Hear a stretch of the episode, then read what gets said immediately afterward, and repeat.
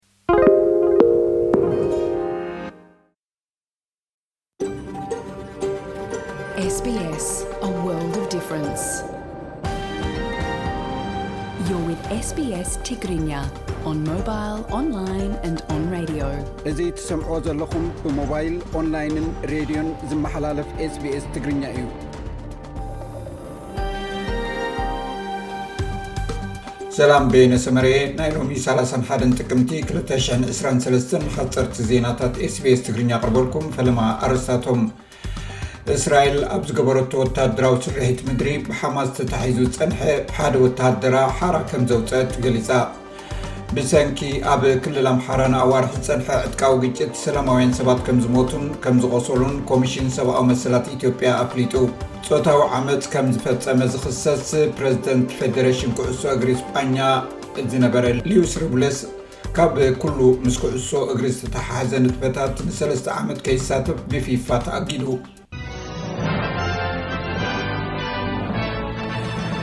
ቀዳማይ ሚኒስተር እስራኤል ቤንያሚን ናታንያሁ ሃገሩ ኣብ ጋዛ ኣብ ዝግበር ዘሎ ናይ ምድሪ ወተሃደራዊ ስርሒት ብጉጅላ ሓማስ ብጅሆ ዝተታሕዙ ልዕሊ 200 ሰባት ናይ ምፍታሕ ተኽእሎ ከም ዝፈጥር ገሊፁ እስራኤል ኣብ እዋን እቲ ወተሃደራዊ ስርሒት ንሓደ ወተሃደራ ብሓማስ ኣብ ትሕቲ ቁፅፅር ጋዛ ካብ ዝነበረሉ ሰራዊታ ካብቲ ምርኮ ሓራ ከም ዘውፅኦ ገሊፃ እያ ሚስተር ናታንያሁ፣ እስራኤል ምስ ሓማስ ናይ ተዅሲ ደው ምባል ክትሰማማዕ ድልውቲ ከም ዘይኰነትን ነቲ ኣብ ሸውዓተ ጥቅምቲ ብሓማስ ንእስራኤል ዝተገብረ ወረራ ምስቲ ኣልቃዒዳ ኣብ ሕቡራት መንግስታት ኣሜሪካ ዝፈነዎ መጥቃዕቲ ከም ዘመሳስሎን እዩ ዝገልጽ።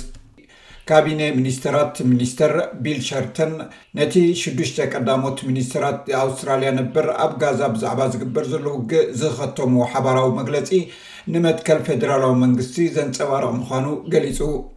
ናይ ኣውስትራልያ ቀዳሞት ሚኒስተራት ጆን ሃዋርድ፣ ኬቨን ራድ፣ ጁልያ ጊላድ፣ ቶኒ ኣበት፣ ማልከም ተምቡልን ስኮት ሞሪሰንን ኣውስትራልያውያን ነቲ ኣብ ወጻኢ ሃገር ዝግበር ዘሎ ግጭት ብሓድነት ደው ክብሉ ዝጽውዕ ሓበራዊ መግለጺ ኣውጺኦም ኣለዉ።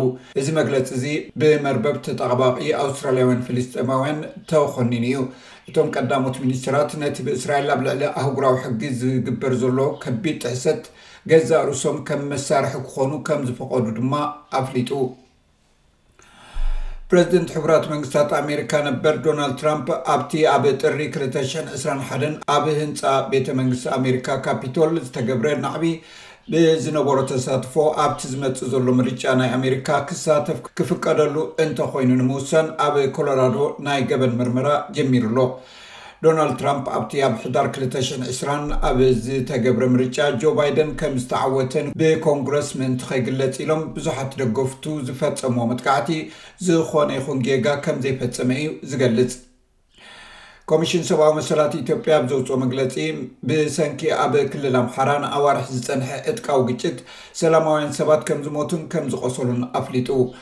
ኣብ ደብረማርቆስ፣ ደርባባን ሰሜን ሸዋን ወዲ ሓደ ዓመትን ሸውዓተ ወርሕን ህፃን ዝርከብዎም ብርክት ዝበሉ ሰላማውያን ሰባት ተቐቲሎም ኢሉ።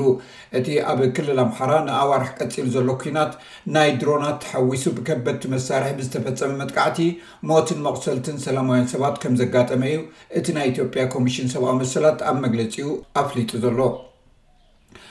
ኣብ ስጳኛ ጾታዊ ዓመጽ ከም ዝፈጸመ ዝኽሰስ ፕረዚደንት ፍረደረሽን ኩዕሶ እግሪ ስጳኛ ዝነበረ ሊዊስ ሩብለስ ካብ ኩሉ ምስ ኩዕሶ እግሪ ዝተሓሓዝ ንጥፈታት ንሰለስተ ዓመት ከይሳተፍ ብፊፋ ተኣጊዱ። ኣመሓዳሪ ኩዕሶ እግሪ ዓለም ዝኾነ ፊፋ ድሕሪቲ ናይ ስጳኛ ሃገራዊት ጋንታ ደቂ ኣንስትዮ ኣብ ውድድር ዋንጫ ዓለም ዝተዓወተትሉ እዋን ንስጳኛዊት ተጻዋቲት ጀኒ ሄርሞስ ብዘይ ፍቓዳ ብምስዓሙ ድሕሪ ዝቐረበ ክሲ፣ ኣብ ፈለማ ፊፋ ንሩብሌስ ንሰለስተ ወርሒ ካብ ስልጣኑ ክወርድ'ዩ ወሲኑ ነይሩ። ሚስተር ሩብሌስ ነቲ ናይ ይግባይ መሰሉ ክጥቀመሉ ምዃኑ ብምግላጽ፣ ፊፋ ንገዛእ ርእሱ ንምክልኻል ዕድል ከምዘይሃቦ'ውን ከሲሱ።